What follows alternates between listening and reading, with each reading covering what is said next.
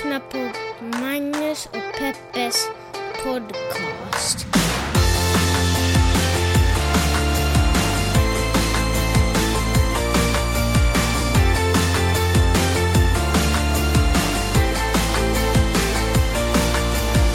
Kör Peppe! Hallå internet och hjärtligt välkomna till Magnus och Peppes podcast. Låter jag sådär? Ja, faktiskt varje vecka. Magnus Peppes podcast, det är ju en podcast som handlar om de små sakerna i vardagen och de stora sakerna ute i världen. Och det här är en podcast där vi betraktar de här små och stora sakerna ur ett feministiskt, journalistiskt och mediegranskande perspektiv. Hej Magnus, hur mår du? Jag mår bra Peppe, hur mår du? Jag mår faktiskt eh, riktigt bra nu. Mm, ja just det, för du har ju varit lite magsjuk. Det var så hemskt, det hände igår. Mådde lite illa på morgonen, tänkte äsch, jag kan väl åka och rida ändå. Precis som med dig, eh, som för mig, så föregås ju magsjuka oftast av några dagar av att man är sådär "Ah, allt, det är något, allting är fel, jag känner, det känns inte rätt, jag är inte så bra. Eh, Du vet, det är så här psykiskt ner, eh, nedåt spiral på något sätt. Magen sitter ihop med psyket. Liksom. För mig gör det verkligen ja, det. det. Och kanske för mig också då. Jag tror faktiskt för kanske fler personer än man skulle kunna tro. Har du känt på det att jag har varit nere alltså? Jag har ju känt på mig att du har varit, eller vadå känt på mig, jag har ju märkt att du har varit ner. det, har, det, har varit, det har väldigt otydlig kommunikationen där. Nej men alltså det har ju varit tydligt. Eh, Så nu fick vi ju åtminstone en förklaring för det. Så det är ju skönt att höra att du inte är, har blivit en negativ människa, utan Nej. du är bara lite sjuk. Och det får man ju vara. Ja, jag sov i alla fall 16 timmar och nu är jag tillbaka bland de levande. Är du? Nej, men, jag mår i alla fall... Jag kan se mat utan att eh, vilja spy upp den. Men erkänn att du har lite duktig flicka-syndromet när det kommer till din egen hälsa. Ja, men jag tycker inte om att vara svag och sjuk. Nej. Jag tycker i och för sig inte heller om när du är svag och sjuk. Det ser du. Men det betyder inte att du inte ska få vara det. Ibland måste vi bara anpassa oss som Mm. familj. Ja, ja. Eh, det har kommit in eh, recensioner på vår podd på Så iTunes. fint! Tusen tack för att ni tar er du tid att skriva. Nej men oberoende Ja, okej. säger jag tusen tack för att ni tar er tid att skriva. Det kan ändå inte ta fler än några minuter, och, eh, men några minuter kan vara mycket tid i en upptagen människas, en modern människas liv. Verkligen. Så därför säger jag tack om det finns någon annan som har lust att göra det än just den här som har kommit in. Jag, brukar du titta på recensioner? Jag gör det ibland Ja, faktiskt. så, för det gör man ju faktiskt. Ja. Eh, så jag måste ju ändå säga att det här recenserandet, det är ju kul för oss för det betyder att varenda gång de går in och gör, visar någon form av aktivitet eh, relaterat till vår podd så på något sätt triggas någonting igång på iTunes som gör att det börjar hända saker Mm. för oss. Men recensionen är ju inte för oss. Det är ju egentligen för eh, våra medmänniskor för att de inte ska behöva göra samma tabbe som ni möjligen gjorde ett avsnitt. Eller alternativt för att de ska vara så här, oj shit, du rekommenderar den här, den har fått så här mycket stjärnor. Fantastiskt, det här vill jag också Nej vara med den då. Okej, den här, just den här recensionen ger faktiskt tre stjärnor Av fem. av fem möjliga. Eh, och då står det så här, eh, alltså då är också rubriken Peppe fem stjärnor, Magnus noll, så det var ett medelvärde. Står, det här är faktiskt inte roligt. Det här, det här träffade mig. Det här, det här gjorde ont. Det här gör lite ont i mig, det jag nu ska läsa. Eh, Peppe är helt fantastisk. Utropstecken. Magnus erbjuder dock endast killgissande, mansplainande, avbrytande och en hel del härskartekniker. Otroligt tråkigt utropstecken. Kan, varför, kan man ge Peppe fem betyg och Magnus minus 10? Med det facit i hand, kul att vi ändå landade på tre. Eh, otroligt besviken, väntar fortfarande på att Magnus ska bytas ut mot en likasinnad Peppe. Jeanette, du är grym. Och så en vink. Gud, jag älskar dig. Vem du än är som skrev det här, jag älskar dig. Det, jag ska inte sticka under stol med att den gjorde, den gjorde lite ont. Eh, faktiskt. Den, den, det var för mycket liksom att jag är liksom... Ja, och, och plus att det gjorde ont av en annan anledning också. Inte bara liksom... The obvious, ja. inte bara det uppenbara. Utan det gjorde också ont att jag liksom är orsaken till att en potentiell femma i det här betyget nu har förvandlats till en trea. Och det är ju supertråkigt att jag, att jag har den effekten på den här podden. Samtidigt så tycker jag ändå att det är lite sådär att väntar fortfarande på att jag ska bytas ut mot en likasinnad Peppe. Jag tänker att om det är så två Peppe i den här podden då känner inte jag att det ska, eller jag kanske har fel, men... Du försöker bara klamra dig fast nu med Nej, men jag klor. känner, två Peppe i den här podden, det är ju en annan podd. Det är typ penntricket. Alltså, det är ju inte, förstår du vad jag menar? Nej, det är det väl ändå inte? Ja, men två som verkligen tycker exakt lika och därav den ena är mer kunnig, höll jag på att säga. Jag menar, nej, nu, jag, jag tar bort mig från, pep, eller från penntricket. Men jag menar, den, den känner jag, den podden finns någon annanstans. Men ska vi tänka så här istället? Ja. På vilket sätt skulle du kunna förbättra dig efter att ha fått den här feedbacken? Mm. Det, har, det kommer ju faktiskt, eh, det har ju kommit andra också. Eh, andra recensioner. En recensionen som kom efter det, för inte så hemskt länge sedan, som i och för sig gav, som gav en fyra ändå. Eh, det står det så här. Känns tryggt, avslappnat, folkligt att lyssna på. Två mänskliga gestalter eh, som bjuder på sig själva, varav den ena är lite mycket PK självgod, alltså du.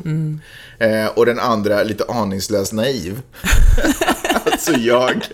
Men båda engagerande och, och det här är en del av den operfekta skärmen. Så ändå, ja, och så vidare. Det kändes som en, en snäll klapp på huvudet. ja, exakt. Sen har vi också fått bra betyg, det är inte så. Men, eh, ja, men det, var, det var hårt. Men, eh, ja, alltså, jag får väl sluta avbryta, liksom. Antar jag. Kommer att ske i den här podden? Det kan väl vara en av de grejerna som jag kanske gör den här podden. Men gud vad tråkigt för mig. Men eh, ska vi testa då och köra eh, utan att jag avbryter? får inte säga eller- någonting. Ha. tänkte vi skulle börja lite kort i eh, världspolitiken, eller sammanfatta lite. Mm. I Sverige så händer det ingenting, vi har fortfarande ingen regering där. Gudarna vet när Men det kommer Sverige ske. verkar ju funka bra utan regering. det kanske inte ens behövs Nej än. men alltså vilket grymt system vi har byggt upp. Som, det, det är så självgående så det knappt behövs en... Alltså det enda som är tråkigt är att myndigheter och institutioner som är statligt kopplade inte riktigt vet hur mycket pengar de kan förbruka. Mm. Men å andra sidan så förbrukar ju ändå ingen pengar. Ambitionen är alltid att förbruka så lite som möjligt. Så jag tror att eh, Sverige tror jag är ett av de få länder som faktiskt kan fungera ett bra tag utan regering. Fast Belgien gjorde ju det också hur länge som helst. Jaha. Får, jaha. Okej. Förlåt, förlåt. Sverige är fantastiskt. Sverige är fantastiskt. Ja, konstigt. Ja, i alla fall. Eh, och eh, Theresa May ska nu glida in i FN med ett nytt förslag. Som troligtvis, alltså det är ju det sista chansen nu. Vadå? I FN. Nej men gud, EU. gud vad konstigt. Ja, jag blev alldeles chockad. Jag är fortfarande skakig av den där recensionen, det är därför jag inte. Hon ska ju Jag ta... någon sån bok- bokstavskombination. Ja, hon, eh, hon, har fått, hon har fått godkännande att ta det senaste förslaget, eh, hur de ska lämna Brexit så att det blir mjukt och härligt, till EU. Så det, den förhandlingen ska nu, och det är typ sista chansen. Så vi får se lite hur det går. Det är ju ohyggligt spännande egentligen. Va, alltså, och- och dessutom, jag har inte ens tänkt på den här Irland-problematiken. Hur, hur ska de, alltså du vet, samma, samma ö och sen en liten gräns, och vad fan händer däremellan? Är det egentligen så svårt? Jag menar Nordirland, Storbritannien, Irland, E EU. Ja, nej, alltså det, på så sätt är det inte svårt. Men jag tänker ändå bara med mynt och jag tänker med alla skatter. Alltså det känns ju... Du vet, när vi kommer till Sverige, bara, är du. EU-medlem, ställ dig den... Alltså bara det känns ju superkonstigt. Ja, och whatever, kanske inte så stor grej. Eh, och sen så är det väl ganska klart att Nancy Pelosi kommer bli talman i USAs kongress numera också. Och där tänkte jag att vi skulle stanna. Jag tänkte att vi skulle prata lite om det. Ja, gärna. Är det... Alltså, jag måste ju ändå säga att det finns ju några kvinnor på den här jorden som jag tycker är jäkligt coola. Den, den ena är du, naturligtvis Peppe. Eh, den andra är, andra är Gwyneth Paltrow. Den tredje är... Vänta, vänta, vänta. Gwyneth Paltrow? Ja, jag tycker hon är cool. Är det sant? Ja. Jag har aldrig hört dig nämna Gwyneth Paltrow förut. Är det för Goop? Är det för då? För Goop, hennes lifestyles varumärke. Nej, jag vet inte. Jag, kan, jag vet inte vad... Jag tycker att hon verkar... Hon bara säger smarta saker. Och sen också, um, vad heter hon som var i, världens äldsta Men referent? så. Förlåt, kan vi stanna kvar vid Gwyneth Paltrow nu? Är det riktigt, alltså, vad är det som är så coolt med henne? Jag vet inte, det är bara någon... Men är inte hon som försöker liksom sälja så här vaginarenare åt kvinnor och allt annat omöjligt Ja, tjafs? det är någonting med hennes utstrålning som jag tycker så här, Ja. hon verkar så här reko. Okej. En reko kvinna. Liksom. Okej. Eh, men sen också hon som var den lilla flickan i E.T. som inte nu är den lilla flickan egentligen. Drew Barrymore. Ja, precis. Också cool kvinna på något sätt. Okej. Eh, vet inte vad, men ibland så. Och sen Angela Merkel. Ja. En kvinna, eh, du vet, järnlady. Jag skulle ju vilja säga the original järnlady. Men hon var lite, alltså politiken som hon förde på den tiden, alltså Margaret Thatcher. Ja. Margaret Thatcher, ja, det, det var vad jag förstått. För höger för dig. Ja, för, för Reagan och för höger. Men Angela Merkel ändå liksom står emot, alltså herregud. Decennier typ har hon ju suttit också. Eh, och sen typ, sen finns det en massa andra också, men sen Nancy Pelosi. Jaha, du är pro Nancy Pelosi? Alltså jag tycker att, men på något sätt kvinnor som man ser i deras ansikten hur de dagligen kämpar Mot sexism och i diskriminering. patrika- och- patriarkala strukturer och eh, har blivit nästan så här the devil wears Prada-tanten liksom. Men samtidigt ändå har ett, tycker jag ändå jobbar för goda krafter. Har jag en feeling? Jag vet inte. Jag, det här är kanske inte sant, men så känner jag. Så här känner jag med Nancy Pelosi. Hon... eh, jag hejar ju på henne för att hon är kvinna och för att hon har ordentligt med politisk erfarenhet. Mäktigaste demokraten i Washington. Sant. Men samtidigt, Demokraterna måste ju förnya sig. Alltså Nancy Pelosi har varit med hur... Jag vill liksom inte vara en typ som, som åldersdiskriminerar andra kvinnor. Men hon har varit med hur länge som helst. Hon är stormrik. Hon liksom... Hon har, hon har sett allt. Är inte på tiden att hon ger plats, stiger lite åt sidan och ger plats åt en yngre kvinna? Det var ju exakt det jag tänkte säga.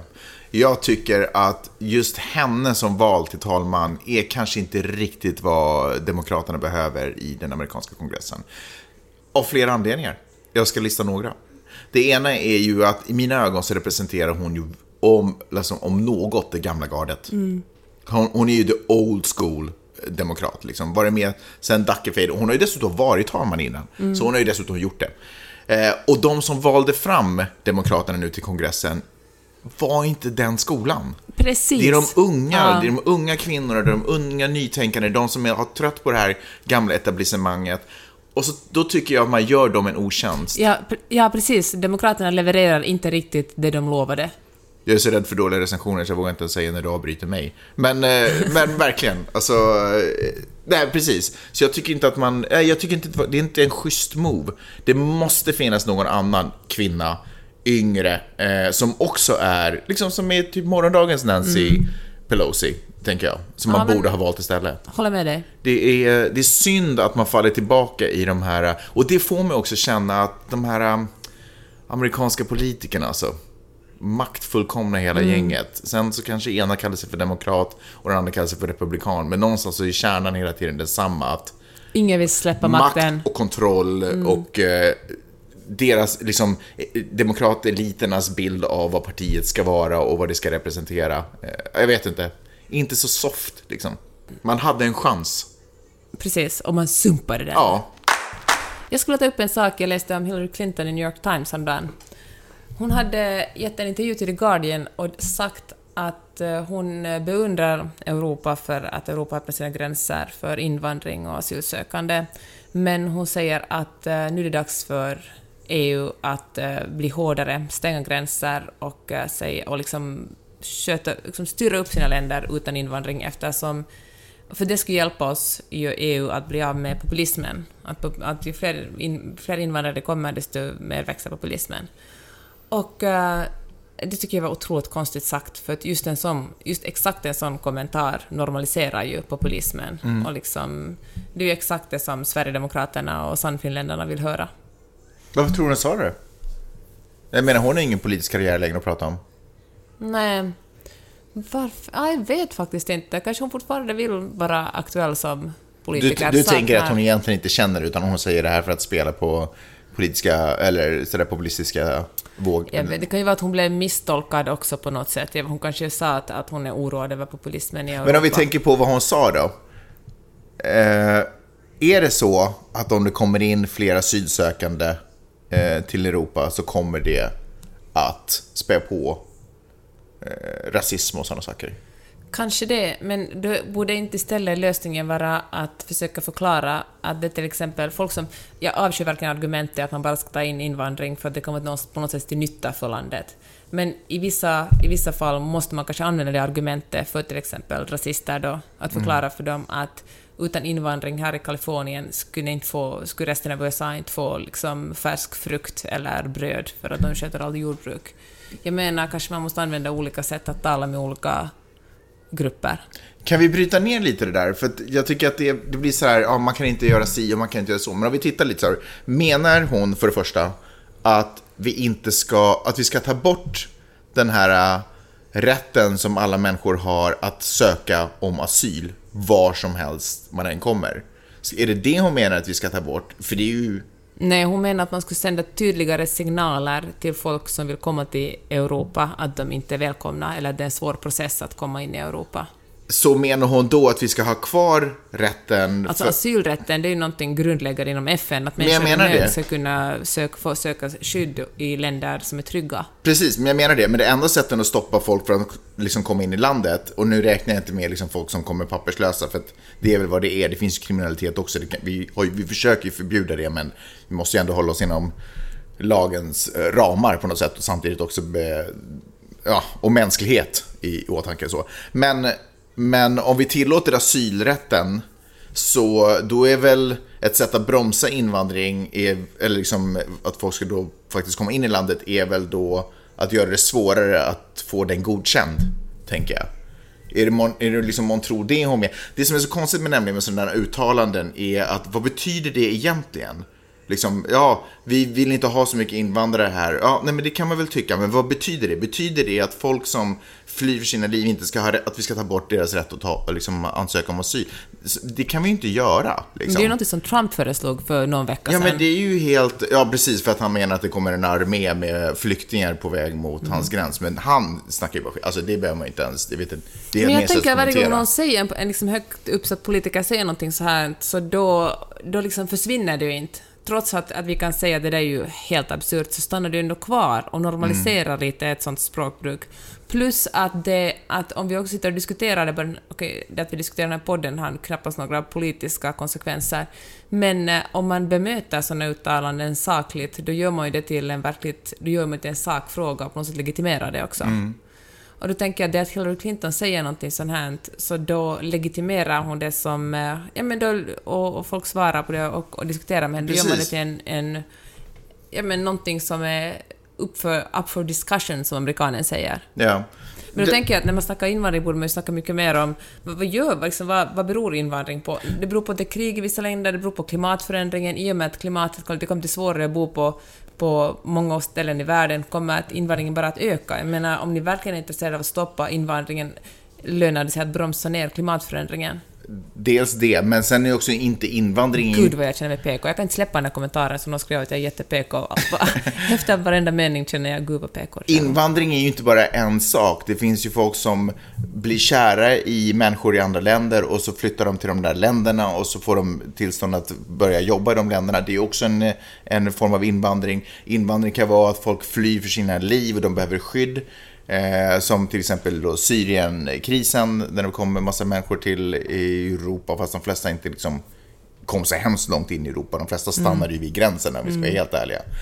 Eh, och dessutom när det kommer till den saken så ser man att folk återvänder. Så att det är ju inte... Folk vill ju återvända hem. Nej men såklart, de flesta som, som tvingas fly från sitt land för att det är knas, när knaset är över så har man ju fortfarande kärlek och goda vibbar för sitt eget land. Vilket fall som helst. Och Det finns ju så många olika former av invandring. Man kan bara inte säga så här, vi vill inte ha invandrare i vårt land, för det stämmer inte. Det, det man ofta säger är att, och det är ju det, det som gör den kommentaren ofta så rasistisk, därför att man menar en viss sorts människor som man inte vill ha här. För jag är ganska säker på att att svenskar inte har något stort problem med att norrmän glider över och börjar, flyttar in i Sverige och börjar jobba eller att... Eh, andra, Eller att svenskar åker till Norge för att eh, Ja, men fisk. precis. Exakt. Så att prata om sådär, och så när Hillary Clinton kommer ut och säger någonting sådär som att ja, ni måste verkligen vara försiktiga med era gränser för invandring. Det bet- vad fan menar du? Vad pratar du ens om? Vad är det du egentligen pratar om? Pratar du om eh, människor med annan kulturell nu, nu avbryter jag dig. Men kanske det just är det, att vi är så, vi är såna grundläggande, eller så... Ja, men rasismen sitter så djupt inne i oss alla att vi genast fattar vilken sorts invandring hon syftar på. Mm, för det det direkt pekar på, det, den bilden i huvudet som direkt poppar upp i folks, är ju människor som är, ser annorlunda ut och har en annan kulturell bakgrund. Och det är inte hemskt svårt och inte hemskt långt att tänka tanken då till islam och, och helt plötsligt börja se, ja men det är den gränsen vi drar, det är där vi tycker att det är liksom, och det är ju helt absurt. Hör du, ehm, som en liten parentes skulle jag vilja tipsa om en dokumentär på Netflix som heter typ Saudi Arabia. Som, eh, den har några år på nacken, en BBC-dokumentär tror jag. Men den var superbra. Någon har, det var en, deras reporter hade liksom smygfilmat olika scen- scener i scenarion i, i Saudiarabien och det är verkligen ja, men, chockerande vilket totalitärt samhälle det är. Eh, en annan, eh, när vi ändå pratar om filmer, så kollade jag på Tillbaka till framtiden nyss. Och eh, där var ju den stora fienden eh, människor från Libyen. Libyen. Libyen. Libyen. Libyen. Det låter som en kroppsdel på något sätt. Det låter som en, en del av vaginan. Men heter inte det? Ja, jag ska okej. Ja, ja. Bra. Libyen. Nej, men då slog det mig när jag såg det, hur varenda decennium har haft sin fiende i Hollywood. Alltså nu om det är fiender i Hollywood så det är det säkert Al-Qaida, kanske Isis till och med, eller ja, så. Eh, Al-Qaida. Magnus, nej, men, det- nej, men det var väl för några decennier? För några decennier Ja, ja, ja. precis. Men jag menar att varje decennium har haft sitt. Det här Mm, det var var ryssar, det var tyskar. Exakt, och sen backar man kanske tillbaka till 70-talet. kan tänka mig att Korea var då i och med Mm. Koreakrigen. Vietnameser var ju förstås säkert ännu längre bak. Det är så intressant hur vi hela tiden, och så tänker vi att ja, det är det som är det stora hotet nu. Därför att vi egentligen bara kollar på film. Mm. Det är liksom inte, egentligen har ju inte någon libyer libyer i, i världen någonsin som individ varit ett hot mot en amerikan. Men i amerikanska Hollywoodfilmer då visar det sig att då åker de omkring på stadens gator i, i eh, någon liten stad i USA och skjuter och har sig. Men det, det, är liksom, det har ju aldrig hänt. Men hör du, vem är, vem är, vad är hotet nu? Är den, vilken är Nej, den är aktuella fort- fienden i, i filmen? Nej men nu är, ju, nu är det ju liksom... Eh, Isis. Ja, nej men islam, eh, eh, eh, islamistiska extremister. Det är väl det som är hotet. Sen ibland heter de Al-Qaida, ibland heter de Isis. De får säkert ett nytt eh, namn. Eh, vänta, vad var det innan Al-Qaida? Var det inte då um, de som nu... Alltså de som styr i Palestina? Hamas. Jaha, ja. De är ju också terror, eh, liksom, listade. Så de var väl också lite sådär, ja det är gröna flaggan, det är det farligaste som finns. Och nu är det svarta flaggan som är typ det farligaste som finns. Om du får blicka in i framtiden, vem är nästa års fiende? Ja, det är väl finska flaggan. Finnar. Nej, jag vet inte, faktiskt ganska, undrar vad det skulle kunna vara. Men jag tänker mig kan... Ja, jag tänker att utomjordingar har ibland längre. fått eh, spela den rollen. Det är ju ett ganska, det är ett ganska PK-alternativ att ha utomjordingar. Utomjorden nämnde du. Det är jag, inte... tänkte, nej, men jag sa bara att under perioder i Hollywoods Det historia del av hade, ett varit, hade varit populärt med utomjordingar som... eh, ja, men, ja, men jag tror att om man...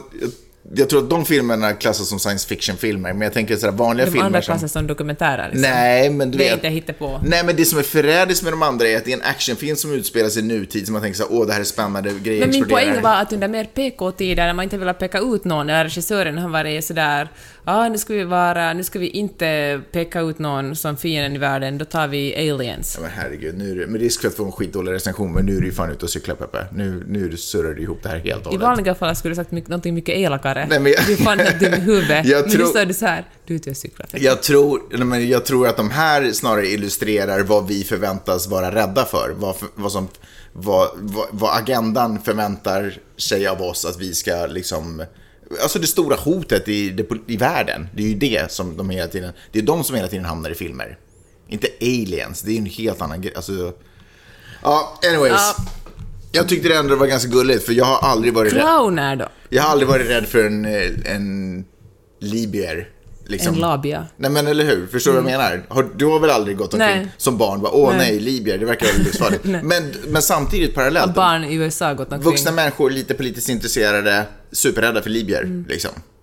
Alltså jag tycker det är ju, det, det, det, man är så, jag känner mig som en bricka i ett spel hela tiden. När jag går omkring och är orolig för saker som jag sen ser på film. Det borde inte vara så. Film borde ta mig till andra platser som liksom, du vet, det är bara på allt det här. Det är bara på. Det är inte, och mexikaner kanske är lite bad guys också nu i amerikanska Hollywoodfilmer. Det är inte svårt att se den kopplingen. Alla är lite rädda för knarkkarteller, inom citationstecken. Börjar ens tvivla på att de ens finns? Ja, De gör väl. finns nog. Ja, det gör de. Okej. Nu, mansplainar jag igen. På Thanksgiving som var in... Äsch, om igen. Vi firar Thanksgiving-middag med våra vänner Frida och Joel. Flida, Och Joel har jobbat på en dokumentär om R. Kelly, som du kanske får du säga igen. det? Det är väl inte officiellt? Den börjar- kommer ju ut först nästa år. Ja, men det kommer ut om en månad, jag får väl visst säga att han har jobbat på den. Ja. Ja, han gör inte det längre, men han har liksom varit... Anyway, jag vill tala om dokumentären. Det handlar alltså om R. Kellys sexkult och hans, eh, hur han ja, men håller kvinnor tillfångatagna och uh, verkligen har ett starkt kvinnohat. Det var han som kissade på den här 14-åringen 2003 Får jag... och filmade. Ja, Anna, ja. Får, jag, får jag bara... Ska du försvara honom nu? Nej, men får jag förfina kanske vad den handlar om? Jag tror att den kanske mer handlar om... Det här är offrens möjlighet att komma ut och berätta historien, hur de ser på R. Kelly, snarare om att det handlar om hans karriär som eh, barnkissare. Fair enough. Och eh, då stod vi där i köket medan kalkonen eh, grillades i ugnen och började prata om metoo och hur, det, och hur eh, filmbranschen genast, Harvey Weinstein först av allt, och sen bara föll skådespelare, skådespelare stand-up-komiker, regissörer som brickor. Men eh, i musikbranschen har det inte hänt så mycket. Alltså i Sverige fanns upproret när musiken tystnar, där många kvinnliga musiker gick ut och berättade vad de har varit med om. Men, eh, men ingen har riktigt dömt sig. Men det finns, det diskuter, alltså vi har ju kompisar som jobbar inom den branschen och man hör ju historier om vilka svin många manliga producenter och, och eh, sångare är, men det händer liksom, de faller aldrig. Och, eh, och då kom vi fram till, eller det här är min teori, att det handlar om att eh, de i, i, i filmbranschen, de som anklagade Weinstein var ju jätteprominenta skådespelare. Det var kvinnor, kvinnliga skådespelare med stora plattformar som hade vunnit Oscars, som har liksom miljoner följare på Instagram, som det är svårt att säga emot. Men i musikbranschen blir såklart också artister utnyttjade, men kanske ännu mer är det liksom fans eller groupies eller liksom människor, kvinnor som ännu inte har, har kommit så långt som kanske blir lovade en karriär men aldrig liksom når fram. Och eh, det är otroligt mycket svårare att eh, sätta emot en känd musiker om man själv är någon som har 120 följare på Instagram eller som ingen vet vem man är, än om man är en, en jättekänd skådespelare. Och jag tänkte att det kanske är en, en orsak till att, att eh, musikbranschen har varit så pass eller liksom ingen har varit tvungen att... att för det där ju var den snuskigaste av branscher. Helt- Otroligt vidrig med massa sexuella övergrepp. Helt säkert. Sen så tänker jag också att producenter är ändå så pass mycket doldisar. Så de, eh, även fast de skulle dömas, så tror jag att man ändå kan göra saker. Därför att det är ändå ingen som, du vet vanliga människor vet ju inte egentligen vem det är som Nej. har, har gjort den här saken. Däremot så är det ju kanske svårare som film... Ja men till och med Weinstein, han var ju en... Ja, men en han var ju toppen av eh, på, Ja. på liksom näringskedjan där. Så att, men, det, men eh, till exempel, ja, men fan, säg någon annan skådis som har dömts. Eller som har åkt dit för Kevin. Spacey. Ja, voilà. Syns ju. Så det är ju liksom, Mm. han, har, han har ju varit ett ansikte för, för produkten de har försökt sälja. Så att då är det ju lättare Men att... kan det också det handla har om mycket större effekt. att... Uh, jag kommer ihåg att vi talade om kognitiv dissonans i, för några avsnitt. Mm, ja. Att när, eh, när man känner någonting väldigt mycket så vill man ju liksom handla efter det också. Mm.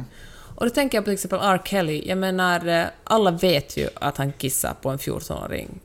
Ett 14-årigt barn. Mm. Filmade till och med. Men jag tänker att folk som gillar hans musik Mm. gillar det kanske så mycket så de på något sätt, eh, det är svårt att, att gå emot den känslan och då väljer man att ignorera det här eller tänka runt det på något sätt. Jag tänker att det här är verkligen en tjejgissning nu, men att musik på något sätt går så djupt in, att det djupt in i en människa. Det är någonting liksom... Ja, man verkligen älskar musik så är det så mycket mer känslomässigt än man verkligen älskar en skådespelare eller en film. Och då är det kanske svårt att, att eh, bli riktigt jävla förbannad. Menar, David Bowie sades ju också ha varit, haft liksom 14-åriga fans. Ja, Och, ja. säg. och... Uh, gud. Ja, jag är Gud. superrädd. Gud, Herregud, du, du var så nära att avbryta mig.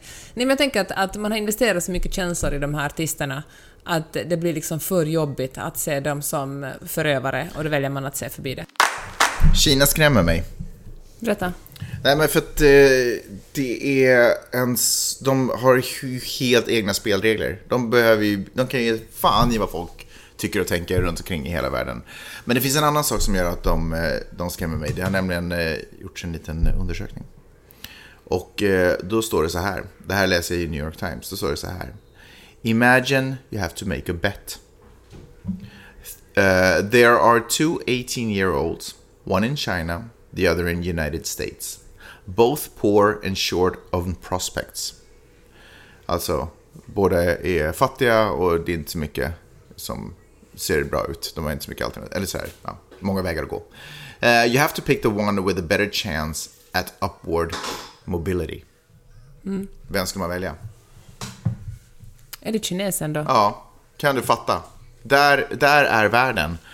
Det är ju så lätt att luta sig lite mot USA och titta lite mot USA för vi känner igen kulturen, vi kan kommunicera med varandra och allting känns Och eh, USA har gjort en otrolig marknadsföring av sig själv. ja, ohygglig. Eh, Kina har ju inte behövt marknadsföra sig därför att Kina gör vad Kina behöver göra. Och just nu i Kina så råder det en ohygglig optimism. Därför att det går bra, medelklassen växer. Eh, Jag var ju i Kina för... eh, Men herregud, du måste säga det i varje podcast. Nej, bara de poddar som vi pratar om Kina. Så jag var ju i Kina i början på 90-talet. Och eh, det var ju en tragisk syn. Jag var inne på ett sjukhus och det var ju fasken inte roligt. Alltså. Eh, jag har... I och för sig, det kom en läkare. Eller egentligen kom det in en skröplig gubbe. Eh, som hade problem med ryggen. Och så kom det in en läkare. Och så lyfte läkaren upp den här lilla farbrorn på en brits. Och sen så hoppade läkaren upp själv upp på britsen. Och med hela sin kropp börjar rulla sig själv över den här lilla farbrorn. Eh, sju år hade det tagit, jag hittar på, men typ sju år hade det tagit för den här läkaren att bli färdigutbildad massör. Eller kiropraktor, eller jag tänker att det är samma sak ungefär. Men herregud. Nej, men alltså för den här läkaren, alltså i det landet så är det typ de skillsen också. Men kiropraktor och massör är väl ändå inte Nej, jag fattar. I, I saker? vår värld så är det inte det. Men guiden sa att han var massör, men det kändes som att han gjorde Aha, kiropraktoriska okej, okej, ingrepp. Förstår du vad jag menar? Det var knak och det var härsan, alltså verkligen. Om det var knak, då var det en kiropraktor. Nej, men, ja, men det är ju kall, ja, så. Eh, och det såg ju ohyggligt skönt ut eh, när han höll på att rulla på den där farbrorn som sen typ hoppade ner från britsen och knatade iväg. Och slamdunkade in basketboll. Du tror inte han var en skådespelare? för oss. Eh, och så gick vi ner i apoteket. Apoteket bestod egentligen av massa lådor med eh, naturliga saker i. Alltså, Mald tiger och sånt. typ, så ville man ha en, eh, en, liksom, någonting mot sin huvudvärk så då fick man en liten påse eh, malda, Ormblod. orm, malda ormblod. Eh, Men dessvärre, och, det hjälpte, men dessvärre så hade ormblod en effekt som gjorde att man fick fel på njuren. Så då var man tvungen att ta en, eh, liksom, en eh, tiger, mald tigerklo. Men så är det väl också med vanliga mediciner? Jo, jag vet, fast, men, men förstår du vad jag att- menar? ja, men jag att allting var fattar. Ja. väldigt sådär, Ja, jag förstår verkligen. ja, man ska, ja, old school, för att säga the least. Men idag är det ju inte så. Jag, jag, satt ju, jag jobbade på ett litet projekt och i det här projektet så var det en snubbe från Kina. Och vi satt i bilen och jag skulle ta honom någonstans och så, satt, så alltså köra honom någonstans. Och så heter det, så eh, pratade just om Kina. Jag bara, oj jag var där, det var sådär. Han bara, what? Så där är det inte alls. Han var typ 18 år själv, så han har ju aldrig ens upplevt det jag pratar om. Han bara, nej, nej, nej, nej, det är inte alls så i Kina längre. Nej, nej, nej, där hjular vi på gator och du vet, åker fina bilar och allt det, du vet, det är modern, moderna städer.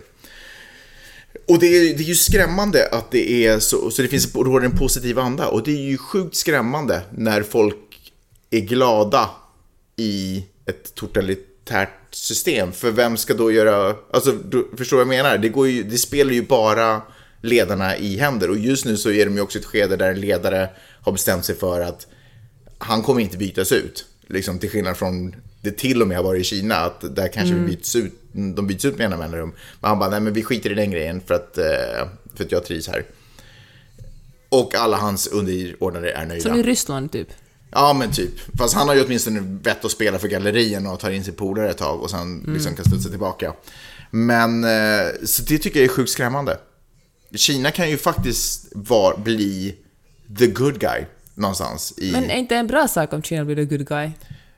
Nej, för att det är ju fortfarande så att man inte får göra vad man vill i Kina. Mm. Det är ju fortfarande så som vi snackade om förra veckan, att de utvecklar system som rankar alla medlemmar, alla invånare i staten så att man får plus och minus för vad Jag man... läste just en artikel om det som handlar om hur svårt det blir för många att beställa flygbiljetter. Ja, ja, men precis. Vilket i och för sig kanske är bra, folk borde flyga mindre, men... eh, Med an ansiktsigenkänning, med fingertryck, med, eh, med liksom telefon och så har de kontroll, kontroll, eh, kon ja, eh, liksom insikt i vilka man umgås med och umgås man med rätt sorts människa som kanske är trogen till partiet eller har en bra position i partiet så då, då får man pluspoäng som ett kreditsystem här i USA ungefär.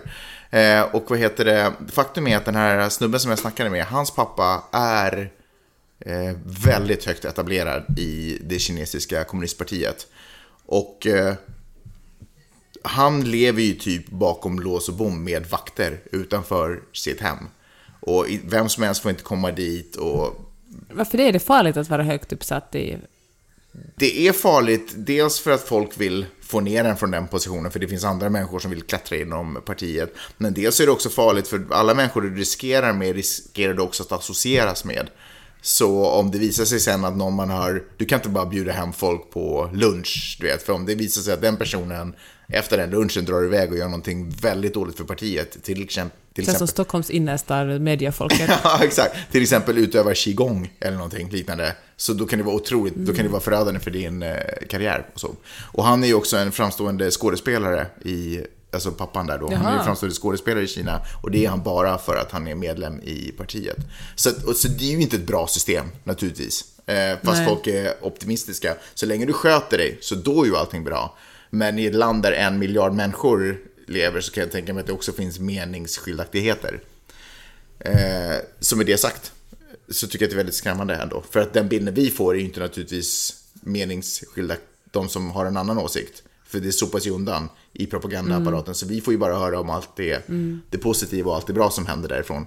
Och det är skrämmande för det är ett mäktigt land. Mm. Och speciellt så tycker jag det är skrämmande därför att de länder som borde kliva upp och skarpa och visa gott före döme och vara förebilder för världen och demokrati och vara bra marknadspelare för demokrati failar. England failar, USA failar, många delar i Europa failar, Latinamerika failar. Alltså... Men herregud, Bolsonaro i Brasilien får panik. Ja, ja. Men under de senaste tio åren har det skövlats extra mycket regnskog. Mm. När vi borde gå åt precis ett annat håll, skövla extra lite regnskog. Men det är ett problem därför att vi bevisar ju, alltså så som vi beter oss, så bevisar vi att demokrati är ingenting nödvändigtvis eftersträvansvärt. Det kanske är bättre att bo i... Vi ger ju argument till alla andra människor över hela världen varför man lika väl kan ha ett totalitärt system så länge ledaren är schysst.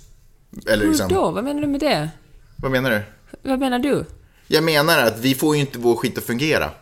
Vi men... behandlar ju folk illa också. Vi är inget bra argument.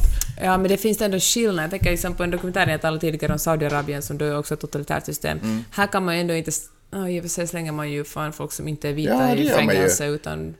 Och som vi precis sa, eller som Men sa... ändå inte på samma sätt. Jag menar, det finns ändå någon slags domstolsväsende mm. och det finns liksom en så här, olika... Det finns ju, det är ju ändå någon form av, av folk... Alltså folket får ju ändå rösta. USA är ju verkligen kanske inte den bästa exemplet på Nej, det är ju exakt det jag försöker säga. Men det finns ju andra länder, som västländer, som har en fungerande demokrati. Jo, det är sant, men sällan riktas ju blickar till de små platserna på planeten jorden. Sverige och Finland är till exempel bra exempel på det. Eh, men jag tar det tillbaka till där jag började. Om man har en 18-åring, en fattig 18-åring utan framtidsutsikter i USA mm. och man har en fattig 18-åring, och då menar jag ändå fattig 18-åring utan framtidsutsikter i Kina, så är det större chans att det går bra för han i Kina. Att han har möjlighet att kliva upp i karriären och, och göra ett mm. nytt liv för sig ja. själv än ja. vad den personen har i USA. Och det är ju ett, det är ett misslyckande för den fria världen. Mm. Ja, du har rätt i det. Läste du om den där unga missionären som eh, blev eh, dödad av ursprungsbefolkningen på en liten ö utanför Indien? Som blev skjuten med pilbåge? Ja. Mm. Visst är det fascinerande att det fortfarande finns ett ställe, visst en Där man kan bli skjuten med pilbåge? Ute i världen, där det bor ett folk som är så isolerat. De har liksom ingen jordbruk, de jobbar fortfarande med jakt och fiske. Och uh, de är så, varit så isolerade från resten av världen att, uh, jag menar, om, om en, någon av oss skulle stiga land så skulle man antagligen dö, för de har liksom ingen immunförsvar mot de sjukdomar som vi ska hämta med oss. Mm. Och, uh, och så kommer, men alltså, ingen, det är liksom, ingen kan vara glad över någon annans död. Men den här typen, den här unga missionären som ska paddla dit och göra den här ön kristen, mm. det är väl alltså Ursäkta nu, men he had it coming. Ja, vänta nu. Backa, backa. Vill du ta om det här? Okej, okay, vi tar om det. ska vi snacka om Jolene Chao som fick en pil i päronet när han ska försöka kristna en ursprungsstam, eller vad fan man nu ska kalla för det. Mm. Ja, men det kan vi göra. Han, Mm. han eh, gjorde flera försök att paddla mot den här stammen på den isolerade ön. Så han var sjukt enerverande för dem. Ja, de vill helt enkelt inte att någon stiger i land. Nej. Och folk har väl försökt... Varför tror du att de är så aggressiva?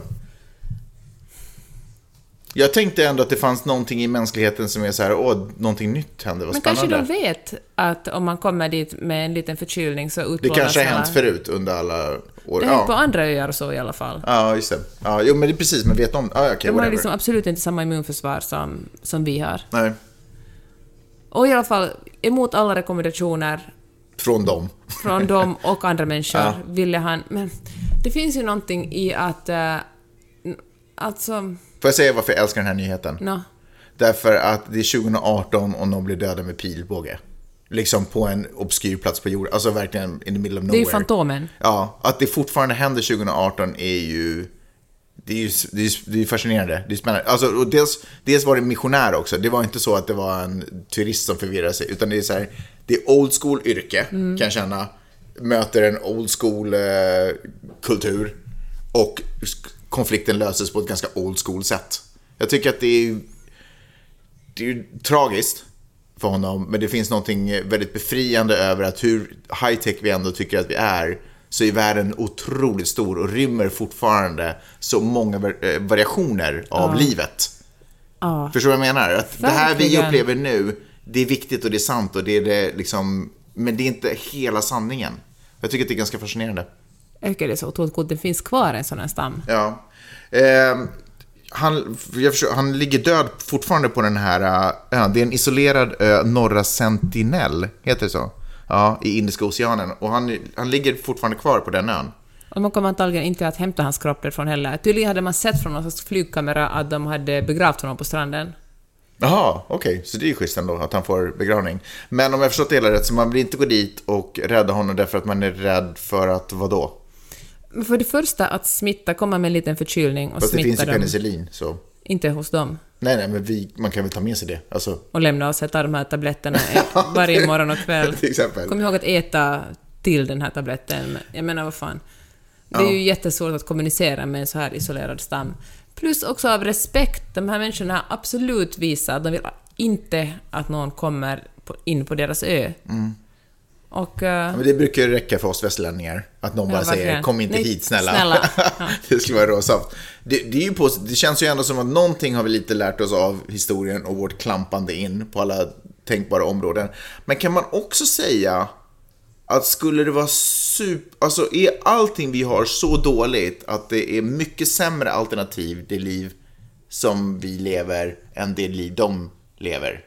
Fast det är väl så här klassiskt, den moderna människan, att tro att vi verkligen Nej, jag trodde inte det. Jag bara undrar, är det verkligen... är det bästa möjliga. Nu ska vi lära er hur man tittar på TV. Liksom. tänker hur många- Dela ut smartphones åt alla. Hur många av oss skulle vil- vilja återvända till ett sånt liv? Egentligen. Fast det går ju inte att Vi- jämföra, för de har, vi har ju levt det liv vi har levt, men de har aldrig levt det livet vi har levt. Kanske Nej. de är mycket lyckligare så här. Men ska man inte, vilka är det som ska testa nya saker då? Men då får de sätta sig i en kanot och söka upp oss om Ah, de är intresserade på så av det. sätt, det är inte vår sak att just komma det. och pracka på dem vårt Nej, livs... För jag kan livssyn. känna att det kanske är lite, att det finns någonting lite ehm, elitistiskt översittande, lite rasistiskt och så att man vill att det ska finnas, du vet, det finns en liten stam. Vi, vi, Ja, du tänker det som ett djurpark? Ja, vi kan liksom. ringa in en liten stam här nu och då, vi låter dem vara, mata inte dem. Utan lite så. Utan, eh, förstår du vad jag menar? Jag förstår vad du menar, men vad är alternativet då? Att vi bara dundrar in och säger nu ska vi lära leva på riktigt. Nej, men alternativet är väl att skicka över en missionär och bara försöka Hur tycker knyta... du det gick då? Nej, men det gick inte så bra. Men knyta någon, att försöka etablera ändå någon form av kontakt. Gör de kristna? Ja, men för jag tänker så här. Att ju mer man lär sig om saker och ting, och det måste ju gälla dem också. Så är det väl bra att lära sig nya Men sätt. om de är intresserade kan de väl få... De får Ja, väl men ta det det, initiativet. Jo, men det är svårt att vara intresserad av någonting man inte riktigt vet hur det funkar. Ja, men jag tänker ändå att eh, Jag menar, det är vi- respektlöst av oss att tränga oss in. Det är liksom... Det är lite som när missionärerna tog sig till Afrika. Ja, fast kolla här. Det som hände när, eller för den delen när, när gänget kom till... Eller Australien. Ja, eller gänget... här är lite alkohol. Ja, men lyssna. Jo, jag vet, men vi betedde ju oss vidrigt och man kan ju också lära sig av historien om hur man knyter kontakt. Och till exempel när det kom hit till den här delen av världen och, och smittade ner alla indianer. Och nu tänker vi så här, så fort vi dyker upp någonstans så blir alla sjuka. Vi, då visste man ju inte, och man hade ju inte ens penicillin. Alltså vi vet ju hur, hur smitta sprids nu, så att vi, det finns ju ingen anledning att göra samma misstag på samma sätt. Det finns ingen anledning att åka till en liten ö och dela ut massa alkohol. Man kan ju närma sig på ett annat sätt, förstår du vad jag menar? Det är ju trots allt hur old school allt det Men här måste än vi är. verkligen blanda oss i allting? Får ingenting vara i fred? Alltså måste vi verkligen finnas överallt? Nej, ja, alltså vi är ju överallt. Det är ju vad vi är. Ja, men då kan Nej, vi men- låta nej, den men här alltså- lilla ön få vara i fred. Försöker- Som ett experiment. Jag försöker inte proklamera att man ska gå in och ta över, men jag tycker ändå sådär... Jag vet inte, det sättet som man pratar om att åh, det är ursprungsbefolkning och det är så... är Liksom, jag vet inte, vad, varför är det så jävla bra? Hur fan vad kommer, den där, den kommer inte gå ner i god jord kan jag känna. Oj, oj, oj. Oh shit. Ja, men vi är så vilsna och så förlorade. Så att vi, vi försöker klamra oss fast vid allting som är liksom inom, eller vad vi kallar för naturligt. Och vi i västvärlden har ingen aning om vad som är naturligt. Vi har ingen koll på det. Religionen har fuckat upp vår hjärna om vad vi ska, vad som styr och ställer på jorden. Alltså vi har ju ingen aning. Vi vet inte vad vi ska äta. Vi, vi vet inte vad vi ska göra. Vi vet inte hur vi ska hålla oss i form. Vi vet ingenting liksom. Så därför är vi så här, åh, vi hittar liksom inom citationstecken ursprungsbefolkning. Men de är inte heller, de har väl också utvecklats för någonting. Det är ju fortfarande 2018 hos dem med, tänker jag. Så de är också, på vilken tideräkning de de är också bara typer som bara inte är... Det var bara ingen i stammen som kom på dator. I så fall, om det var någon i stammen som hade kommit på dator så hade alla där suttit med en dator. Men de har bara inte, liksom, de har haft annat för sig. Liksom. Så jag, jag vet inte. Ja.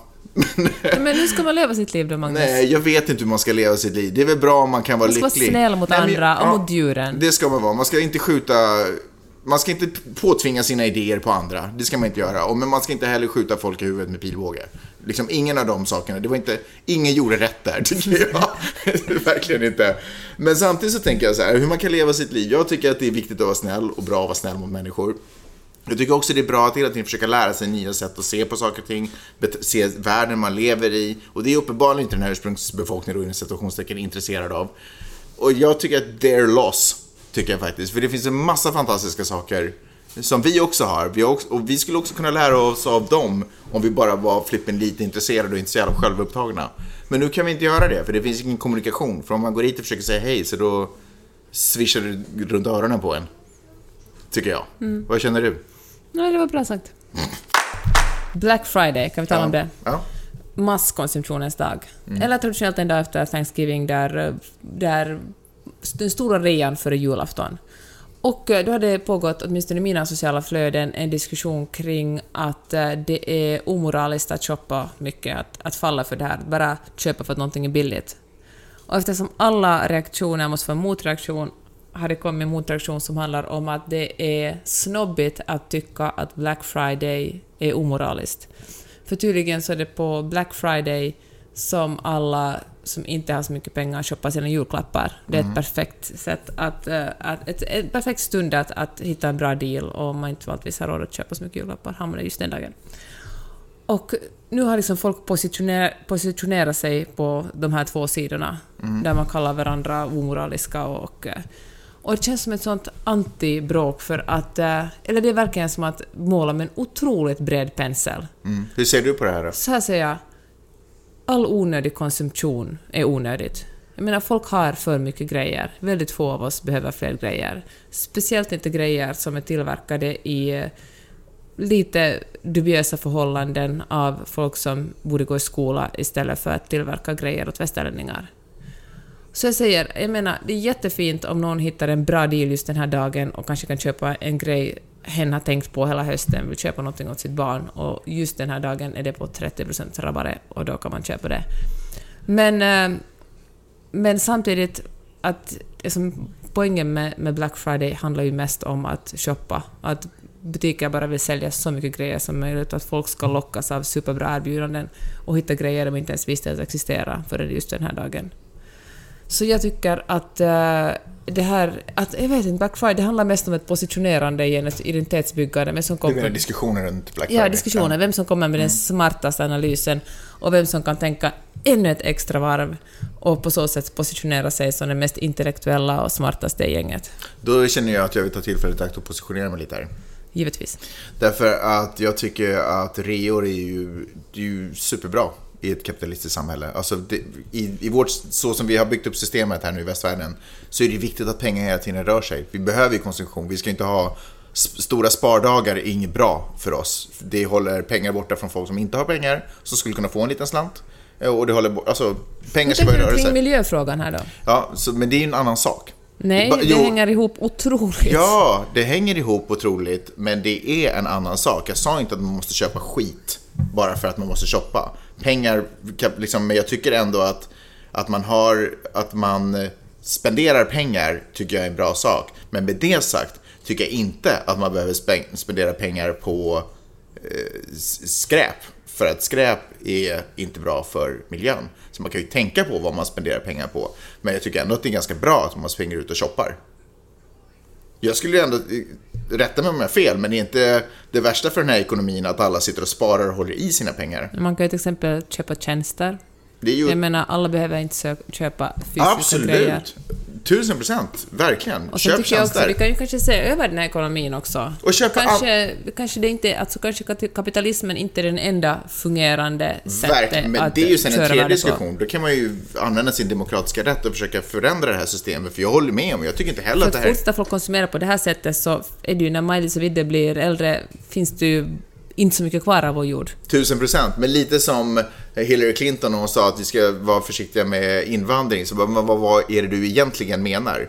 Och det är inte konsumtionen i sig som är fel, det är vad tusan vi använder den till, tänker jag. Jag tänker man kan köpa begagnade kläder av varandra. Det är väl ett jättebra sätt till exempel. Black Friday är ju inte, det är ju bara någonting, för klart har ju företag, försöker de kidnappa den här eh, dagen för att sina egna intressen och i slutändan sina aktieägares intresse och, och så.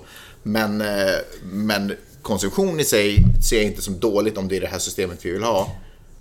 Ja, fast nu ju mer jag tänker på saken så tycker jag inte det argumentet att det är ett superbra, det är en superbra dag för folk som inte har mycket pengar att köpa grejer på. Jag tror tvärtom att den absolut majoriteten av de som shoppar på Black Friday shoppar för att eh, de ser någonting som de tror att det är en bra deal. Att vara gärna bli lurade Ja. av, av, av eh, Verkligen. sista chansen, bara 12 timmar kvar att shoppa de här grejerna. Dessutom är det minus 20, minus 30 procent. Det är väl Mm. fan ingen bra deal ändå. Eh, Och vet du vad, det är inte ens en bra deal. För det de till exempel gör här i USA är att de utvecklar speciella produkter för Black Friday. Så om du till exempel köper en TV så är det en TV som inte har alla funktioner som den samma TVn egentligen har de andra dagarna. Det är inte så att det är så här smusslas och så. Men, eh, Det är lite sämre TV. ja men den... den ja, Du betalar fullt pris för den för en kvalitetens lit- TV. Ja, exakt. Men du tror att du har fått en billigare Mm. för att det är en, alltså de gör ju egna Black Friday-produkter eh, för att sälja dem asbra. Men Mm. Ja. med det sagt, om man är intresserad av teknik och sådana saker så där brukar oftast de bästa dealerna vara på Black Friday. ja, ja. Ja, jag tycker i alla fall att folk borde fundera mer kring vad de shoppar. Det håller jag, det håller jag helt med om. Hör du, eh, vill du bara avsluta med vad du är tacksam för? Eftersom Jaha. vi tvingar dig på mig. Hör du, Eller vänta, eh, klippte vi bort det? Nej, det Nej, kommer. Hör du, jag är tacksam för att, eh, förutom stating the obvious, som en känd svensk medieprofil lär ha sagt under en Thanksgiving-middag med våra kompisar för några år sedan, när, när i alla fall. Så är jag tacksam för att... Eh, nej men Magnus, du får ju väldigt mycket skit av våra lyssnare i den här podden. Och då får jag ändå säga att jag är tacksam för att du eh, tar väldigt väl hand om mig Du när jag förstår är varför jag sjuk. inte tycker det är så kul att göra det varje vecka. Ja, men du, tar, du är sådär... Åh Peppe, finns det någonting jag kan göra? Går och köper frukt och hämtar vatten och, och låter mig sova ensam i sängen och liksom... eh, Ja men du, det, det märks att du tycker om mig. Jag har, gett, jag har vett att ge dig kalla handen. Precis. Precis. Det är jag tacksam för. Mm. Ja, såklart hästarna. Ja, ehm, så är det. Vad heter det? Jag tycker att vi hörs. Och att få bo på den här magiska platsen. Jag är också otroligt tacksam för att ni har lyssnat på det här eh, avsnittet. Och jag tycker att vi hörs om eh, några dagar igen. Hejdå! Hej då!